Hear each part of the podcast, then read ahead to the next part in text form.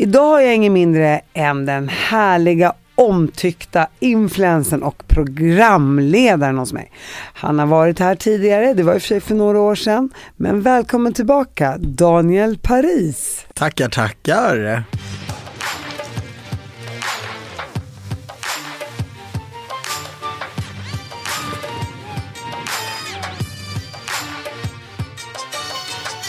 Du, du måste ju umgås med varenda kändis jag känner. Alltså det säger alla, att det känns som att det är det folk tänker om mig. Så här, varför känner han alla kändisar? Men jag har jobbat med det jag har gjort i 12 år och jag har gjort allt ifrån radio till tv till ja, men så här, influencing. Jag har ju träffat alla och format relationer och vänskaper. Så så har det verkligen blivit. Men, men det är som att det är mitt heltidsjobb att umgås med folk. Och så är det ju inte. Men mina andra vänner vill ju inte vara med och då blir det ju lätt att då tar man ju fram kameran när man är med någon. Liksom. Men, men framförallt skulle jag vilja säga att du, det är ju alla andra kändisar som också vill hänga med dig. Oh, äsch, och, jo, men, nej, det, så är det ju. Och, och då är ju frågan, vad är hemligheten med din personlighet? Vad är det du kan ge alltså, oss som vi inte har? Men, jo, men jag tror faktiskt så här att jag får höra att jag är ganska lätt att prata med. Och det har jag fått höra ända sedan jag var barn. Att så här, det känns som att du lyssnar och verkligen tar in och att jag är en ganska odömande person. Och just det här med att det är ganska högt i tak hos mig och att man väldigt sällan, eller alltså jag skulle vilja säga att man aldrig känner sig dömd hos mig. Men det är ju också för att mitt umgänge, min krets är så himla spridd. Jag har ju vänner som är alltifrån tv-ankare till människor som jobbar på ja, men politiskt, till eh, strippor, till, alltså, jag känner ju alla möjliga människor. Och då blir man en ganska öppen person och jag känner inte heller att jag vill liksom, jag vill aldrig att man ska känna sig dömd när man öppnar upp sig för mig eller umgås med mig. För så har jag känt tidigare när jag växte upp, att det inte riktigt fanns någon plats för mig liksom, eller att det var något fel på mig. Och eh, ja, det var en känsla jag aldrig ville ge någon annan liksom. Och varför kände du det? Nej men jag tror att det hade att göra med att så här, jag stack ut väldigt mycket när jag var yngre. Så det var ett helt annat Sverige, det var ett helt annat jag växte upp en bit utanför liksom, stan och sådär. Jag och min familj, vi stack ut väldigt mycket. Och eh, jag kände typ att det var fel på den tiden, för det var det jag fick höra.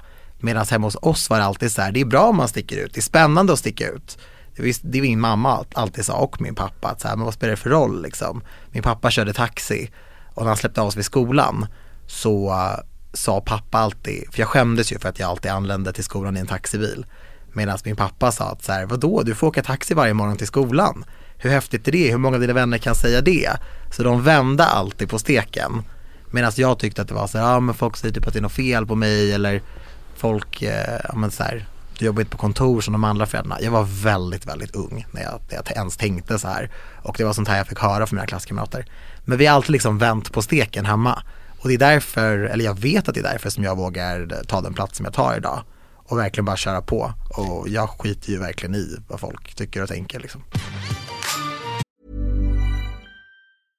Hej, jag Ryan Reynolds. På Midmobile we like to do the opposite of what Big Wireless does. They charge you a lot, we charge you a little. So naturally, when they announced they'd be raising their prices due to inflation, we decided to deflate our prices due to not hating you. That's right. We're cutting the price of Mint Unlimited from $30 a month to just $15 a month. Give it a try at mintmobile.com slash switch. $45 upfront for three months plus taxes and fees. Promote for new customers for limited time. Unlimited more than 40 gigabytes per month. Slows. Full terms at mintmobile.com. Millions of people have lost weight with personalized plans from Noom. Like Evan, who can't stand salads and still lost 50 pounds. Salads generally for most people are the easy button, right? For me, that wasn't an option. I never really was a salad guy. That's just not who I am. But Noom worked for me. Get your personalized plan today at Noom.com. Real Noom user compensated to provide their story. In four weeks, the typical Noom user can expect to lose one to two pounds per week. Individual results may vary. Gick du en väldigt etnisk svensk skola? Ja, absolut. Absolut. Hela högstadiet, mellanstadiet, lågstadiet. Sen på gymnasiet, då gick jag i en mer uppblandad skola. Men då var jag liksom ett problem av andra anledningar. Det var väldigt mycket människor från ja, men hela världen egentligen. Eller så. Ehm, och där var det inte så uppskattat att vara invandrare då inom citationstecken och gay. Så där fick jag, jag, jag kände av ganska mycket nationalism och rasism när upp till gymnasiet. Men i gymnasiet så kände jag extremt mycket homohat och Så det var nästan farligt stundtals liksom. Att vara i skolan, att vara jag.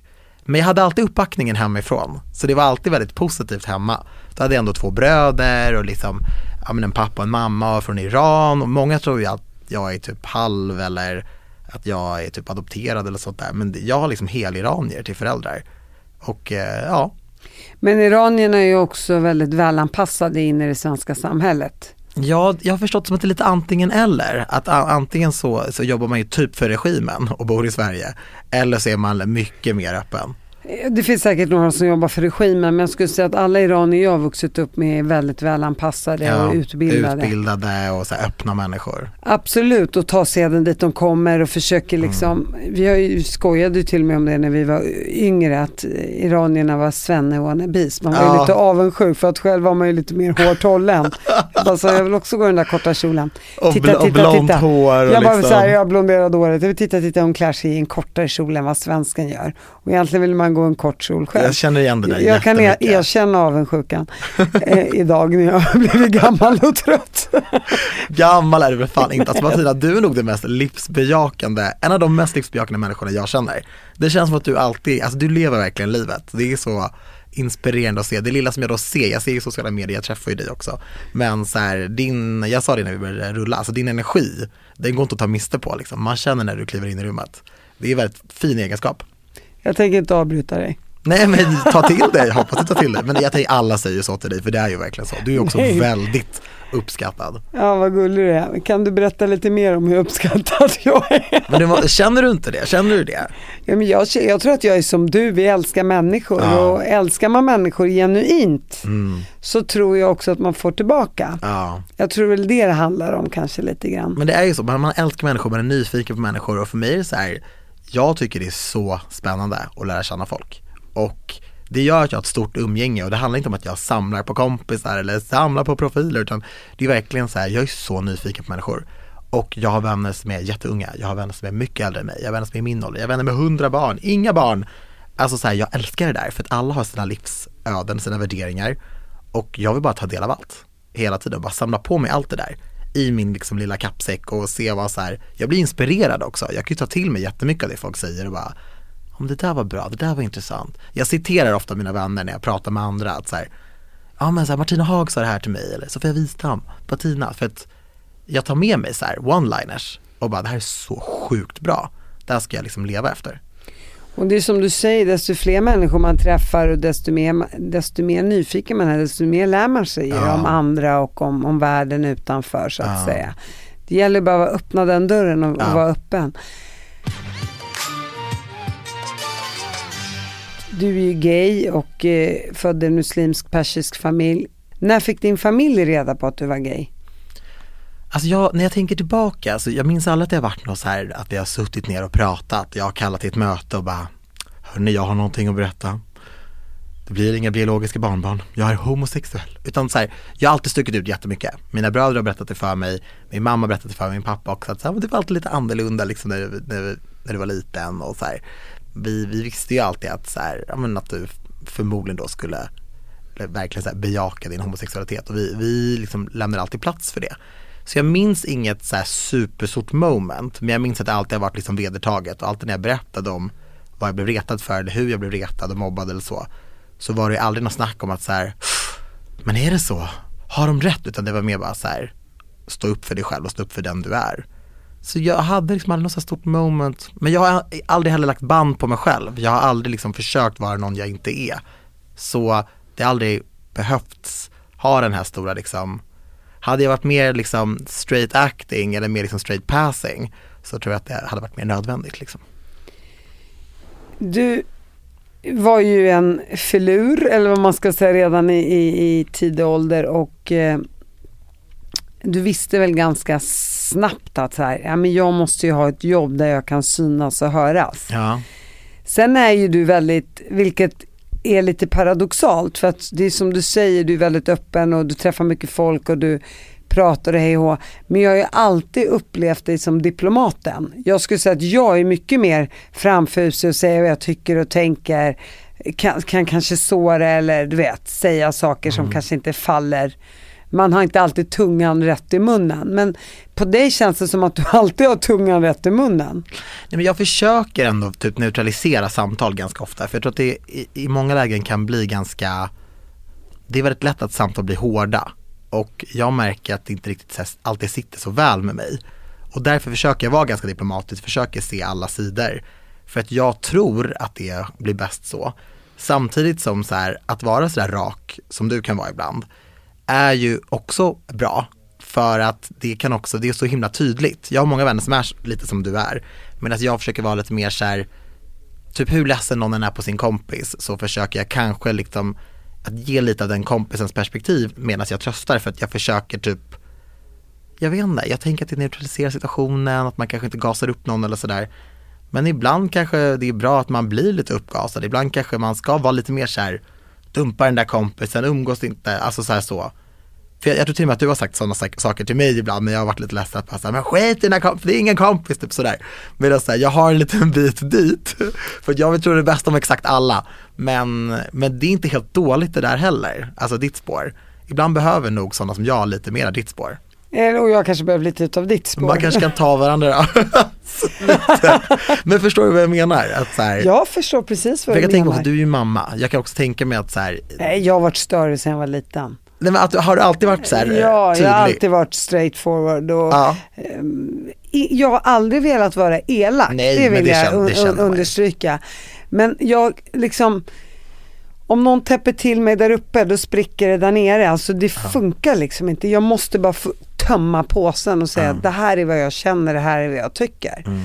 Som nu till exempel med Instagram och eh, en högt uppsatt politiker i Jomshof som, som skriver att islam är en vidrig religion i Expressen. Då, då känner jag bara så här, nej jag måste bemöta det här. Jag tycker inte det är okej som muslim att man bränner Koranen. Nej jag skulle inte gå dit till en, någon samlingsplats och skrika på någon som bränner för jag tycker det är idioter som gör det och jag vill inte ge dem min uppmärksamhet.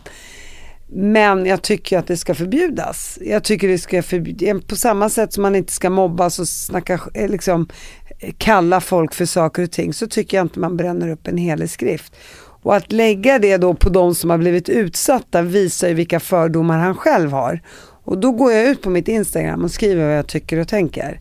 Och eh, det kanske inte alla vågar göra men då känner jag bara så om jag inte gör det så står jag liksom inte upp för mina känslor.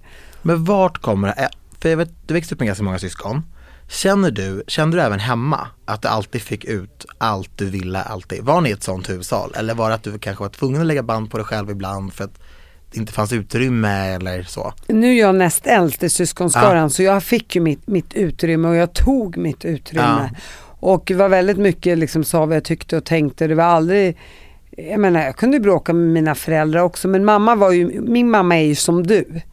Så att min mamma sa aldrig emot på något sätt. Så, här, så att det var ju öppet mål hela tiden. Jag dör! Jag kunde säga precis vad jag ville. Hon bara, "Ah, ja okej absolut, absolut. Och så ku- kunde, var det inte så att hon alltid lyssnade. Men hon gav mig utrymme att i alla fall och uttrycka mina känslor och säga vad jag tycker och tänker. Hon har alltid liksom stått upp bakom mig. Så att kanske inte med vissa, eh, vissa kulturella arv men med mina åsikter och med mina känslor. Eh, men så är det ju och det är det tror jag som har gjort den till den starka personen man är också. Att man just har fått utrymmet och att de har klappat en på axeln. Både liksom i, i när, det, när det är rätt också när det är fel. Och, Men de har aldrig riktigt satt ner foten och sådär. Men det är också men, men, också med mycket kärlek och, och sådär och trygghet. Så att, eh, då blir man väl kanske ändå okej, tänker jag. Ja, Som människa. Jag tror mycket på uppbackning hemifrån. Det är ju väldigt många, även inom psykologin, som inte tror så mycket på det här ja, men hemifrån. Att det spelar ingen roll, uppväxten är bara, man, man kan ändå, men, och, och och jag har full respekt för det, men jag, jag tror verkligen att man blir präglad av sin uppväxt. Alltså på ett enormt sätt alltså. 100 procent och jag dras ju också till många människor som har en grundtrygghet i sig. Ja. Och, och, och, och det, ibland pratar man om att lika barn leka bäst. Och, jag tror inte att jag dras till dem för att jag tänker den där personen ska jag dras till. Utan jag känner bara att det finns samma typ av trygghet och därför dras man till den personen. Och jag- man, du vet, man scrollar på Instagram och, och, då, då lyssnar man ju på många sådana här kloka människor som säger massa saker. Och, och, och jag, det var någon som pratade om just det här med att det är svårt till exempel för en, för en kvinna att träffa en rätt man om man inte kanske haft en förebild hos sin pappa. För man vet inte hur en bra man ska vara och det är klart, där har ju miljön påverkat den här kvinnan. Eh, och jag tror att det är klart miljö påverkar 100%. Och sen är det många som hittar sin väg i livet ändå. Man får inte heller glömma, ibland är det inte bara pappa och mamma som präglar ditt liv. Det kan vara läraren i skolan, det kan vara grannen, det kan vara din mormor, det kan Verkligen. vara kusinerna, det kan vara vänner. Och, och, och det finns ju faktiskt många, även om man har haft en jobbig uppväxt, som har sökt tryggheten utanför familjen och hittat den rätta vägen ändå. Men, men har man haft det jobbigt så är det ju lätt att man har sämre självkänsla och, och att, att man får dras med det ganska mycket i livet. Eh, Så såklart, vi, vi är båda överens om att miljön påverkar. När, när gjorde du ditt första tv-framträdande? Jag var 22, jag var 21 när jag spelade in och 22 när det sändes. Så jag fick väl mitt så här, mediala genombrott då. Det, det hette Ung och bortskämd och gick på SVT.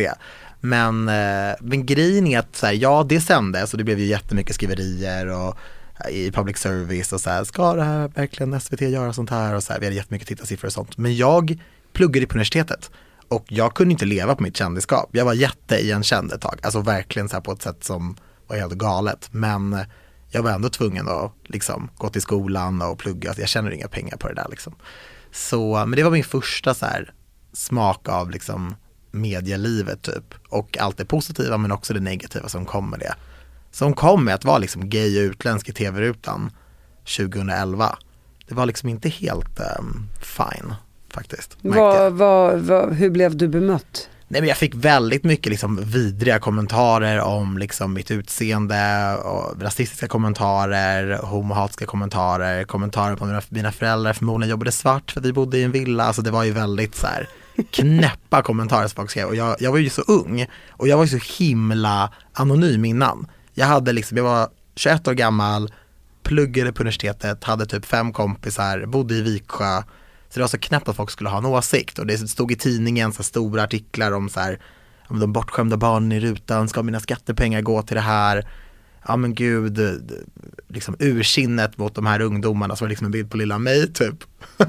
så det var så här knäppt, men samtidigt som folk älskade det också såklart. Jag fick ju verkligen känna på lite det här med familjer som kom fram på stan och bara vi kollar varje måndag och vi hejar på dig, du är vår favorit och så här. Det var väldigt mycket sånt, jag bara gud, vad sjukt. Det var från en dag till en annan. Varför ställde du upp? Alltså jag ställde upp där för att jag tyckte det verkade som en rolig grej. SVT eh, letade människor eh, till en serie som de skulle göra. De nämnde inte vad den skulle heta för det fanns ingen namn. Och så sa de bara att så här, ja, men ni ska typ driva ett hushåll själva. Och jag hade sett The Simple Life med Paris Hilton och Nicole Richie. Och tänkte bara så här, ja men det är ju perfekt, jag vill ju vara Paris Hilton liksom, Daniel Paris. Så ja, men jag ställer upp, så jag tog ett eh, uppehåll från mina studier, spelade in det där i fem veckor, kom tillbaks och började plugga igen på universitetet. Men ja, gud jag minns det så väl, typ mina lektorer liksom, de säger ju aldrig någonting, de är nästan maskiner i sitt utlärande liksom. Men när det hade sänt sen, eller under sändningen, de bara Daniel, är det du som är med där i programmet på SVT liksom? Att man var så här, är det du? Är det samma person typ? Jag var jo men det är det. Men redan då visste jag ju hur man skulle göra tv. Jag ville ju underhålla, jag visste ju typ. Man märkte ganska tidigt vad som skulle, vad de ville ha då av oss som var med i det där. Och jag var ju så beredd på att göra det. Ja gud, alltså jag minns vi skulle göra någon sån här modevisning med återanvända kläder. Och då stod jag där och bara, en modevisning! Jag har bara tre ord! Jag dör! Alltså det, jag tyckte ju, jag övade ju alla såna här roliga one-liners i mitt huvud. Jag visste liksom, jag vill underhålla. Du ville bli kändis redan tidigt då kan man säga. Alltså jag ville bli kändis men det var ju mest för att jag inte, jag såg ju inte mig själv någonstans till exempel. Jag kände ju, alltså när jag kollade på tv, i media, i tidningar, det fanns liksom ingen plats för någon som mig och det fanns verk, verkligen ingen plats för någon som mig i Viksjö heller. Så jag kände bara så här, jag är typ inte särskilt uppskattad av liksom normen, medianormen, för att det finns ju ingen som mig där och jag är inte särskilt uppskattad i lilla Viksjö där jag bor. Eller i Jakan där alla ville döda mig. Så fan, det finns ju hur många som helst som sticker ut. Varför, varför kan inte jag bara få bli en förebild för de som inte passar in då liksom? Jag ska visa folk. Så det var mer det. Jag, jag ville bli en röst och få en plattform att kunna nå ut med mitt. Inte typ ta selfies på stan kändis för sakens skull bara. Nu, nu tar jag ju selfies och jag tycker det är jättekul men det var inte det som var liksom målet. Nu jobbar du ju både med Efter fem, Mm. du gör lite TikTok-spaningar. Spaningar. Ja. Och du är med i Postkodlotteriet. Mm. Och, och, och hur är det då? Känns det kul? Det känns Du har ju jättekul. ändå tagit ett kliv framåt så att Ja. säga. Och så gör du, du gör ju nagellack och Ja. du eh, gör ju reklam på Instagram och så vidare. Barnböcker, så ja jo det är klart och det är jätteroligt och just de här formaten då som jag gör just nu är ju stora breda format som nästan är större ute i landet än vad de är i vår lilla Stockholmsbubbla som vi hänger i. Så eh, det känns jättekul och det känns jätteroligt att få visa upp liksom, ja men du vet så här, en kille som mig med nagellack var inte helt givet i de här formaten innan, i ett nyhetsprogram eller i liksom ett stort folkligt program som Postkodlotteriet och så här. Det känns jättekul att så här, alla människor får se att alla människor får vara som de är.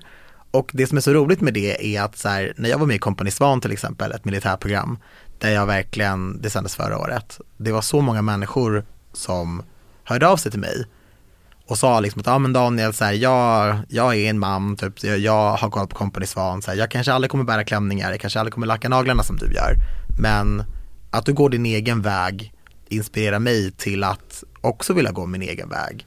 Jag skulle vilja skola om mig eller så här, någon bara, jag har sagt upp mig, jag kommer satsa på min dröm, jag ska göra det här. Så här ja, men jag, jag säger inte att jag är ansvarig för det här, men de hör ändå av sig till mig och menar på att, ja, men jag såg dig, du gör det här, varför ska inte jag då kunna göra det här?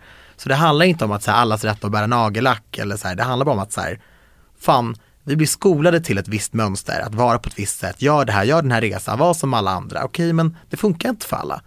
Folk mår dåligt över att behöva vara som alla andra, de vill vara sig själva. Om jag kan liksom inspirera med bara några få procent och få någon att bara så här spräcka sin lilla bubbla som de ändå inte vill vara i. Då, då är det ju värt det. Det är det jag vill göra som en kändis liksom.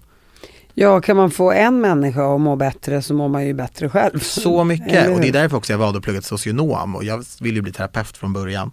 Det var det som var målet liksom. Och jag kanske, kommer, jag kanske kommer bli det, jag kan fortfarande bygga på det här ett och ett halvt året som krävs på min socionomutbildning. Men jag har alltid velat här, hjälpa, lyssna, inspirera. Och så här, hur jag nu har gjort det, man har ju fått hitta det liksom, för att livet händer ju och saker händer och det blir roliga grejer. Liksom, så, så. Men man får hitta sitt sätt att göra det på. Och det, det börjar lossna mer och mer för mig varje dag. Vi gjorde ju Herre på täppan ihop du och jag. Ja. Det är ju så här lekprogram. Eh, och så skulle vi hoppa käpphäst. Kommer du ihåg vilken ångest du hade Ja. för det? Berätta. Ja, jag minns det så väl. Ja, jag minns det så väl. Jag kommer ihåg att alltså, svetten bara rann, jag fick ångest. Men grejen är att jag har alltid varit så himla stark i så här, den jag är. Ända sedan jag var liten. Men det jag inte har insett, eller det jag insett nu i vuxen ålder var att, här, att gå så hårt åt den jag var och ta så mycket plats trots att folk verkligen inte uppskattade det. Alltså vi snackar liksom det ropades i korridoren, det slängdes grejer efter mig, folk kunde så här, trycka upp mig mot väggen, skrika i mitt ansikte. Alltså jag var 10, 11, 12, 13 år. Men jag körde på ändå, jag bara vägrade. Men det skapade trauman hos mig. Jag märker ju det nu. Jag märker det hela tiden, särskilt då här på täppan. Det var som i en gympasal och jag skulle då hoppa en käpphäst. Alla hade så roligt, det garvades, det high-fivades. Jag kastas tillbaka till skolgympan som var en så jobbig miljö för mig. Det var exakt likadant, alla stod sådär på sidan, man skulle göra någonting, jag var alltid sist. Och jag bara fick en sån panikångest. Fast jag kollade i publiken och det var liksom, på tal om att jag känner alla kändisar, det var ju bara folk jag kände. Och jag var ju omringad av kärlek, det var ju inte som i skolan, du var där, alltså så här, Men jag mådde så dåligt, för min hjärna kunde inte processa att så här, du går inte i skolan längre, det här är inte den miljön, det här är en bra, kärleksfull miljö. Så ja, jag åkte ju på den, eh, åkte ut i programmet, men eh, ja, jag började faktiskt gå i terapi igen efter det. Just för de här grejerna, för jag insåg att jag hade ganska mycket outrätt fortfarande. Så det var ju bra på det sättet. Men fan vad jobbigt det var för mig.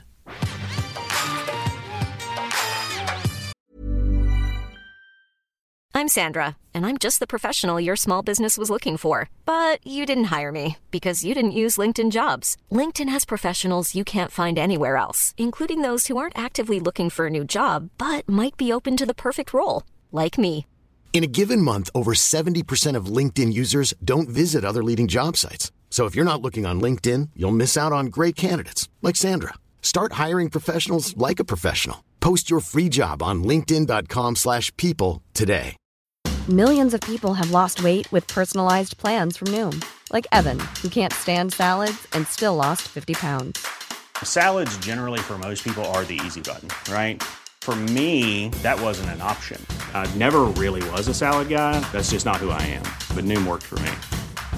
Get your personalized plan today at Noom.com. Real Noom user compensated to provide their story. In four weeks, the typical Noom user can expect to lose one to two pounds per week. Individual results may vary.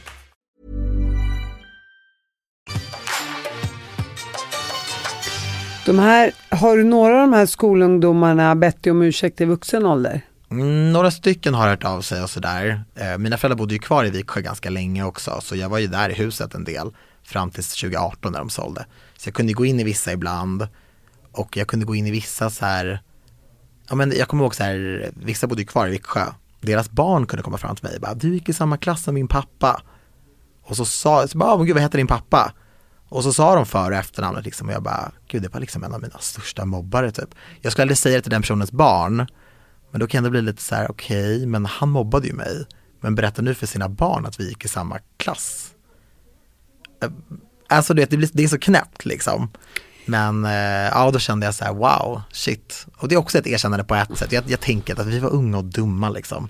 Det är inte heller så konstigt att man mobbar någon som mig. Om du tänker på hur media såg ut på den tiden och du tänker på hur Sverige såg ut på den tiden. Då är det klart att vi kan hamna i situationer där vissa människor som tillhör normen anser sig vara bättre än oss andra. Ja, eller jag tror också så här. Jag tror att också vuxenansvaret är större idag mm. än vad det var för 15-20 år sedan. Jag menar, jaha, killar puttas i korridoren, det är ungefär så att ja men det är typiskt killar liksom. Mm. Vi lägger oss inte i det där. Nej. Fast det egentligen är systematisk mobbning. Mm. Och, och, jag tror att Exakt. skulle du prata med alla de där killarna idag, det är säkert, många av dem är säkert jättebra killar. Ja, det är bara det liksom att så här, de hamnar i något sånt här pick on eh, Daniel Paris Day liksom. Mm. Och, och fattade kanske inte riktigt så här, eh, ja, och fatta kanske inte riktigt så här, hur jävla dåligt du mådde utav det. Nu finns det ju idioter, men jag tror att många barn kanske inte riktigt förstår. Man måste nästan sätta dem ner och bara, hur skulle du må om någon gjorde så här mot dig? Mm. Eh, och jag tror att lärarna där har brustit väldigt mycket i och se vad som händer runt omkring ja. dem. Och också föräldrarna. Ja. Men dina föräldrar ringde aldrig hem till andra föräldrar?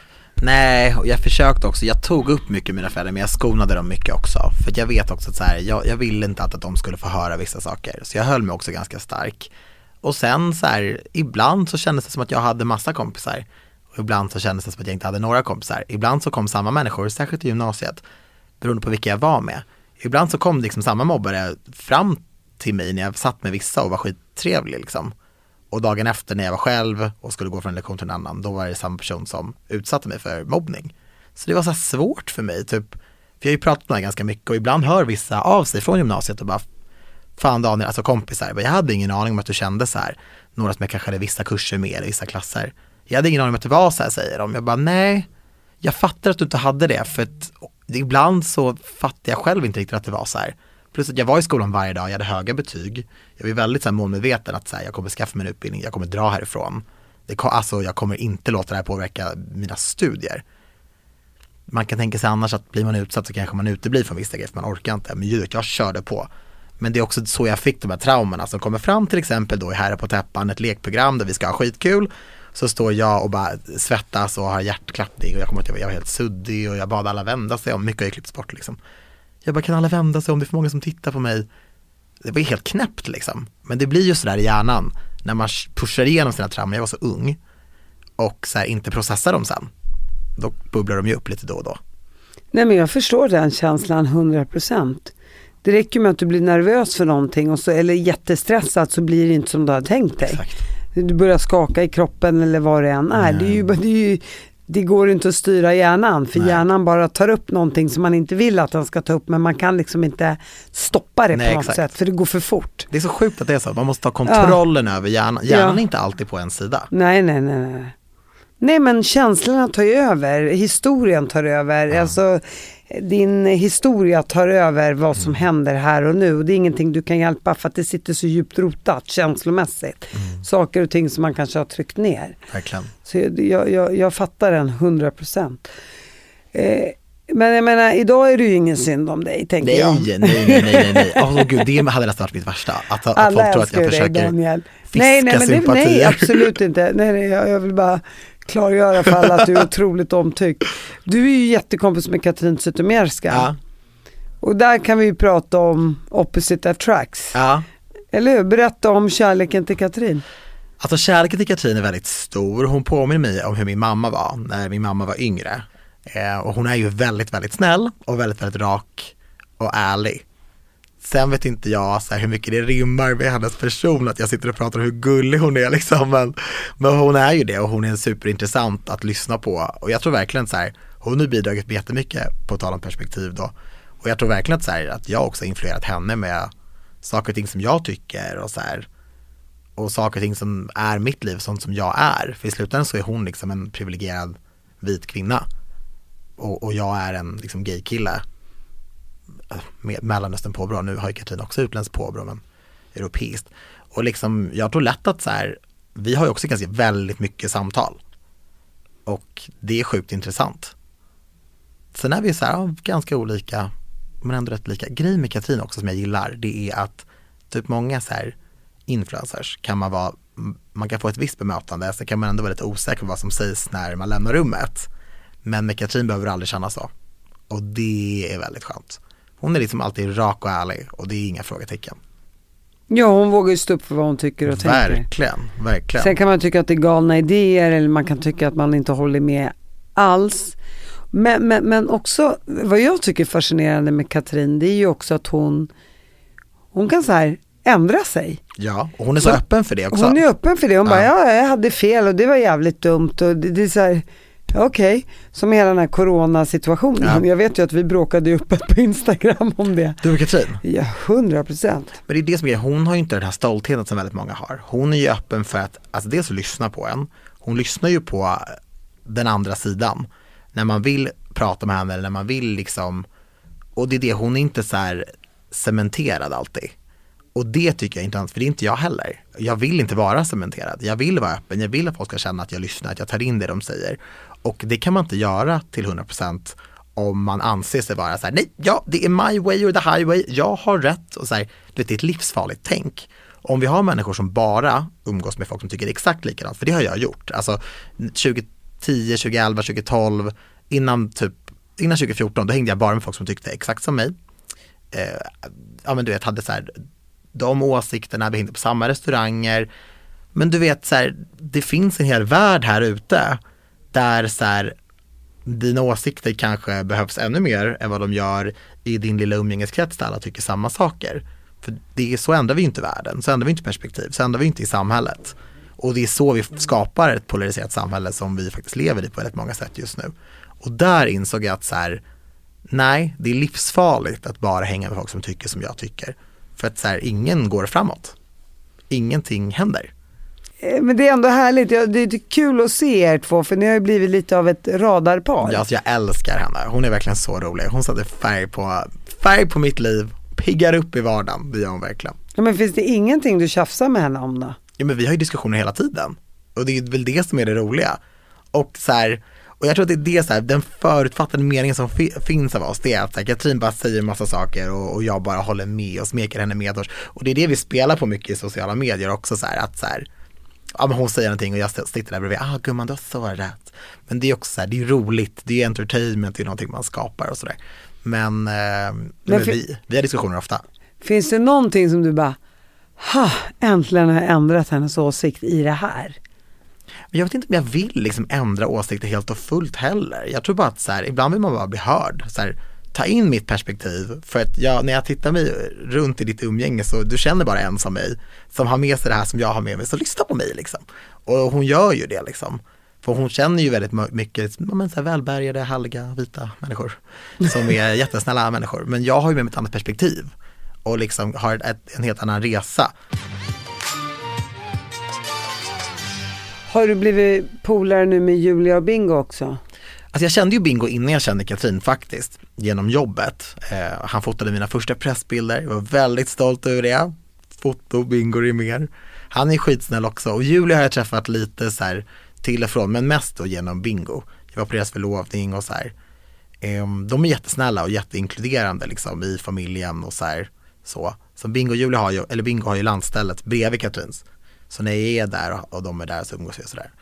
Men eh, ja, men jag, jag känner liksom Katrin mycket bättre. Men jag tycker att de är jättesnälla och gulliga och så här.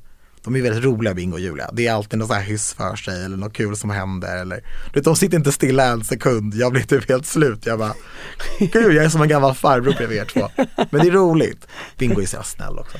Ja, de, de, är, de är faktiskt härliga och det är kul att hela den här familjekonstellationen funkar liksom. Ja, precis och det, jag kan tänka mig att den också är så här, de måste inspirera så många familjer till att så här, ja men när man separerar eller vad som helst, att man liksom lägger det bakom sig och har man barn så fokuserar man på att göra det så bra som möjligt för barnen. Men sen har du ju nu också börjat hänga med Sofia Wistam, ja. Martina Haag, ja. Eh, stora kändisar. Liksom. Ja, stora kändisar. Stora mm. kändisar. Sofia Wistam var ju typ min idol när jag var liten. Jag säger ju alltid det. Alltså varenda gång vi typ käkar lunch, jag sitter på middag, jag bara Sofia, jag äter middag med min idol. hon bara, eh, va? och du vet så här, ja, hon är grym. Hon är skitspännande också så här, hur hon lever och hur hon är och så här, alla stories. Hon har ju varit liksom i branschen forever. Och Martina Haag är ju världens mest, du vet så inkluderande, så hon var ju den typ, som typ gav mig en så här känsla för skärgården och känsla för att åka båt i Djurgården och sådär. Jag växte ju upp Visserligen i en villa i Viksjö, men det var också, det var det enda min familj hade. Vi hade det där huset, och vi hade två bilar. Som, som de hade köpt för svarta pengar? Ja precis, för de här svarta pengarna. Men du vet, jag har aldrig varit ute i skärgården eller så åkt båt eller sådana saker. Det har jag fått göra, allt det där har jag fått upptäcka som vuxen. Och där har Martina faktiskt varit en stor del av det, att så här, bjudit med och visat upp och så här. Ja, hon är skitrolig också. Ja, verkligen. Alltså, och Sofia är fantastisk. Det är så mycket roliga, förstår du vad jag menar? Hur kan man inte liksom hänga med alla som vill hänga med en som är i vår bransch? Alla är så udda fåglar och alla är så härliga. Och jag tror det är därför jag dragits till showbiz. För det jag växte upp, där stack jag ut och jag var bara liksom lite annorlunda. Här i den här branschen, i den här bubblan, där sticker alla ut och alla är så intressanta och det är så okej att få vara den man är. Det är som att vi hänger i Studio 54 varje dag. Du har ju otroligt mycket tjejkompisar. Ja. Och, och det, det, är en fördom som man har om, om, om gaykillar. Gay att, och det är ju en fördom som oftast stämmer. Ja, främst ja. tjejkompisar. Ja. Främst tjejkompisar. Man vill inte ligga med dem, man vill hänga med dem. Man ja. är ju fascinerad av kvinnor men that's it. Man dras till starka kvinnor. Ja, det ja. gör man, eller Ja, det gör man. Ja. För jag känner att många gaykillar dras till mig. Ja. Men du är ju också För att jag är en stark tjej då. En stark då. kvinna, du tar plats, du, ja men du är härlig liksom. Det är kul. Du är ingen ja. panelhöna. Och jag tvärtom, jag dras ju till gaykillar. Ja, men, du men det kanske för att de ser upp till mig, jag vet inte. Lite så? Nej, jag har ingen aning. du kanske inte lägger så mycket värdering i Nej, det, nej, nej, men jag, jag gör nog det faktiskt någonstans. Det, det finns något, kreativ, något kreativt i det också ja, på något sätt. För att många gaykillar är ju kreativa också. Ja. Så man gillar kreativa människor. Mm, verkligen. Hur kommer det sig, du som är så härlig och sprudlande glad och alla älskar dig. Varför är du hela tiden den eviga singeln? Ja, jo, Och du visste att det var den frågan som skulle ställas? Ja, alltså vet du vad jag Kände tänker? du inte det? Jo men kanske lite. Ja. För jag vet att du och jag har snackat om det också ja. innan. Jag tror typ att så här, jag känner mig så sedd och hörd och bekräftad. Jag känner mig så omhuldad att så här, jag känner inte att jag behöver det där liksom komma hem till någon om natten eller liksom efter jobbet grejen. Just för att jag känner så här, jag, jag har så mycket folk runt mig, jag känner mig älskad, jag känner mig sedd, jag känner mig hörd. Det är klart det skulle vara kul att träffa någon, absolut. Och det skulle kännas som en tillgång då till mitt liv. Men det har liksom inte varit ett akut måste. För att jag känner inget så riktigt tomrum faktiskt. Och jag har inte heller någon så här biologisk klocka, att jag måste bli liksom befruktad eller sådär. Så det är som man som ändå har ett stort kontaktnät eller nätverk så kan det lätt bli att man känner lite så här, mm, ganska skönt att komma hem till en tom lägenhet. Alltså den här tragiken har liksom försvunnit i det där för att jag känner mig väldigt så här, hör. Men hade jag levt mitt gamla liv till exempel, när jag bodde i Viksjö och bara hade liksom fyra kompisar, det är inget fel på det, men ett ganska enkelt liv liksom.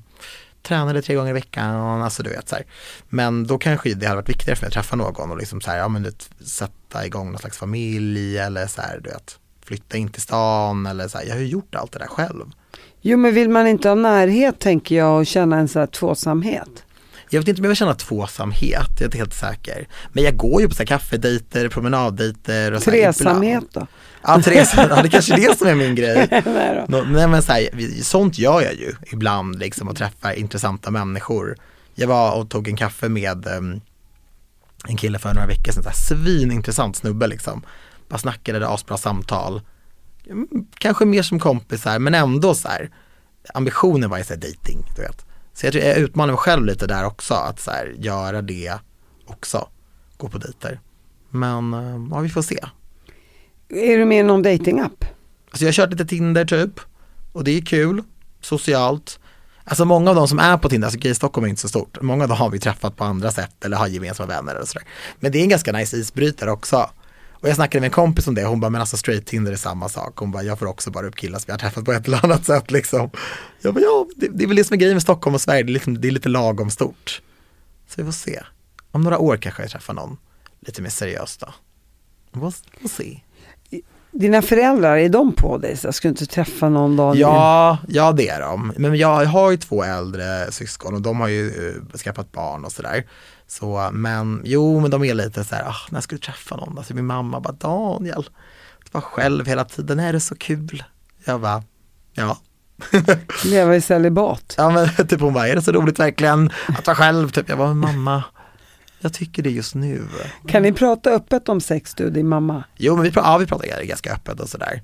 Men sen liksom, jag vet inte hur mycket av sånt som jag tar upp med henne, för jag vet inte vilket, så här, när jag tar upp saker med folk så vill jag generellt ha en åsikt eller ett perspektiv eller så att de ska komma med någonting till mig.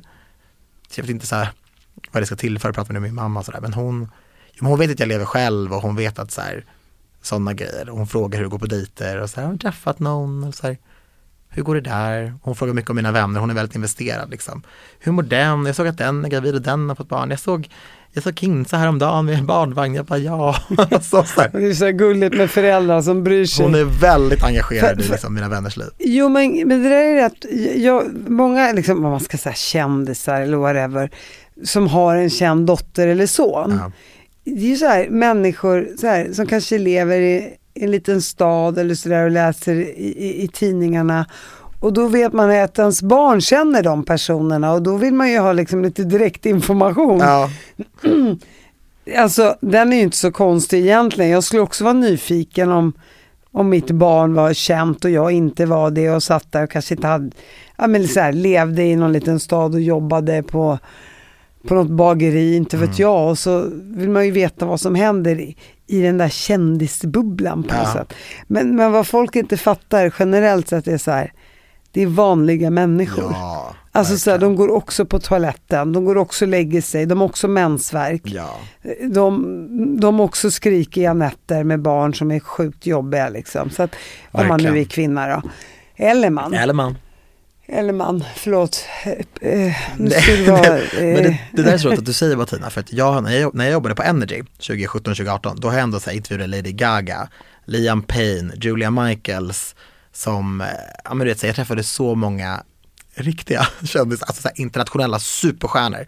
Och du vet, Lady Gaga kommer in liksom, gnuggar sig i ögonen och bara I'm sorry, I'm a little tired from yesterday och bara så här I feel like shit today Daniel, alltså du vet Lady Gaga. Och det här är bara några år sedan. Hon är en megastjärna liksom. Sitter och berättar om så här, du vet hon bara, jag var ute till sent igår så jag är astrött och det, jag kommer inte ur sängen.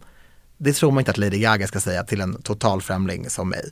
Liam Payne, han var med i One Direction, liksom världens största pojkband, sitter också bara Ja men så här, ja, ah, men berättar det blir vissa grejer. Julia Michaels som bara I broke up with my boyfriend yesterday. I think I need a hug och bara så här, kramar mig. Jag bara, ja självklart. Det är en helt ja. vanlig person. Ja. Och så berättar jag någonting för henne och jag bara så här, hon bara, ni, ni kan sända det, men ni får visa, alltså det, det så här, hon är så öppen. Och bara så här, vi, folk är verkligen sina autentiska jag hela tiden. Och så här, ja, man kan jobba med någonting som gör en mer eller mindre påpassad eller som sätter en på en viss pedestal eller en viss plattform. Men du vet, livet drabbar oss alla. Och man är inte så långt ifrån de här personerna. Alltså menar, du känner mig som har intervjuat Lady Gaga. Då är du alltså typ ett steg ifrån henne, typ. Att jag från lilla Viksjö, alltså så här, jag hade två kompisar. En sa så här, åk till London och träffat henne. Har high-fivat med henne. Så egentligen, den här världen är inte så stor och vi är nog inte så himla olika varandra, trots allt. Och så är det det jag också försöker förklara med olika etniciteter och religiontillhörigheter och allt vad det nu heter. Vi är människor. Ja, jag vet. Och när, jag, jag brukar ju nu säga att jag är världsmedborgare. För att så här, Så säger min pappa alltid. ja, alltså vem bryr sig? Om jag vill bo i Spanien så gör jag det. Vill jag bo i Sverige gör jag det. Så länge jag inte gör någon annan illa. Jag får väl... Ve- Vem tillhör jordklotet egentligen? Vi är människor som börjar dra massa gränser till höger och Ja, jag vänster. vet, jag Om man nu ska vara lite så här filosofisk. Men det är ju så. Och liksom så här, fatta att någon liksom ritade upp någon slags jordklot för hundra år sedan när världen såg helt annorlunda ut. Och nu sitter vi och bara, de här landsgränserna, de är så heliga för vissa människor. Och vi bara så här, du vet, river ner natur och bygger hus eller står och vaktar de här gränserna. Vissa regeringar, de står liksom med pistoler och skjuter ner båtar som försöker så här, som har klarat sig, som är överlyckliga över att se land, men de får inte släppas in. I, alltså för, för, förstår hur sjukt det är? Så här, vem fan, vilka fan är vi att sättas över? Alltså det är bara så sjukt, man inser ju mer och mer hur på allting är. Ja, det är hittepå. Alltså du vet, Det är faktiskt hittepå. Alltså, det är klart det måste finnas landgränser. Nu ska vi inte Såklart, verka helt såklart, borta i huvudet. Nej, det är men klart inte fattar det. ändå. Jag förstår grejen om man tänker tillbaka flera tusen år och man tänker framåt också med alla naturkatastrofer. Vad skulle man göra? Vi leker med tanken Mm. på att halva jordklotet förgörs.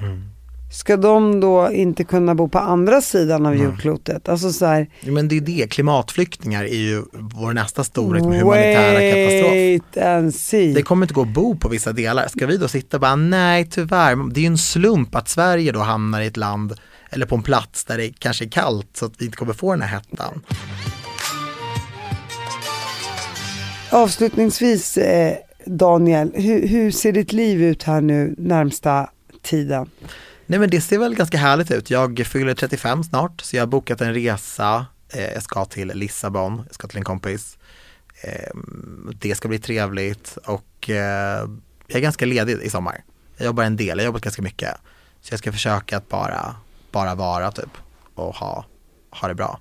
Och sen snart börjar ju hösten och då drar väl allting igång igen liksom. Själv då?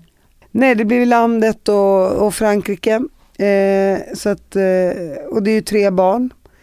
Och de ska ju liksom till höger och vänster. De har ju kommit upp en ålder nu. Hej, jag ska till Skåne, jag ska till Göteborg. Ja men de är jag... stora nu dina barn. Herregud, så här, var är du? Klockan är halv två på natten. Nej men jag är hos en kompis. Jag bara, okej.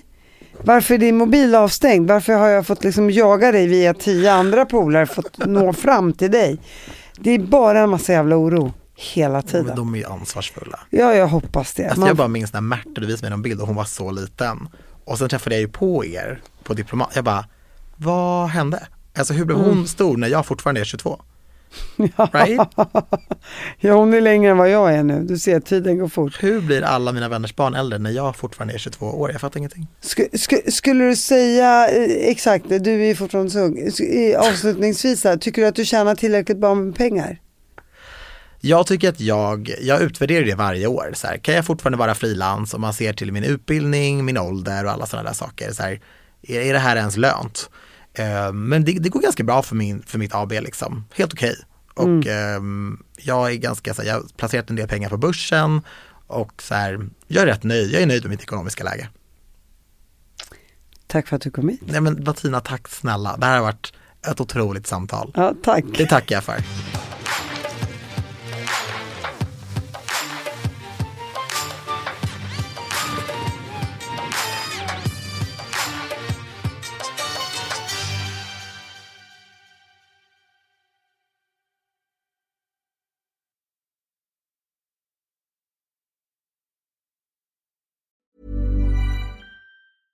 Even when we're on a budget, we still deserve nice things. Quince is a place to scoop up stunning high end goods for 50 to 80% less than similar brands. They have buttery soft cashmere sweaters starting at $50, luxurious Italian leather bags, and so much more. Plus, Quince only works with factories that use safe, ethical, and responsible manufacturing. Get the high-end goods you'll love without the high price tag with Quince. Go to quince.com/style for free shipping and 365-day returns. This message comes from BOF sponsor eBay. You'll know real when you get it. It'll say eBay Authenticity Guarantee. And you'll feel it. Maybe it's a head turning handbag, a watch that says it all, jewelry that makes you look like the gem, or sneakers and streetwear so fresh every step feels fly. eBay gets it. So look for the blue check mark next to that thing you love and be confident that every inch, stitch, sole, and logo is checked by experts. With eBay Authenticity Guarantee, you can trust that feeling of real is always in reach. Ensure your next purchase is the real deal. Visit eBay.com for terms.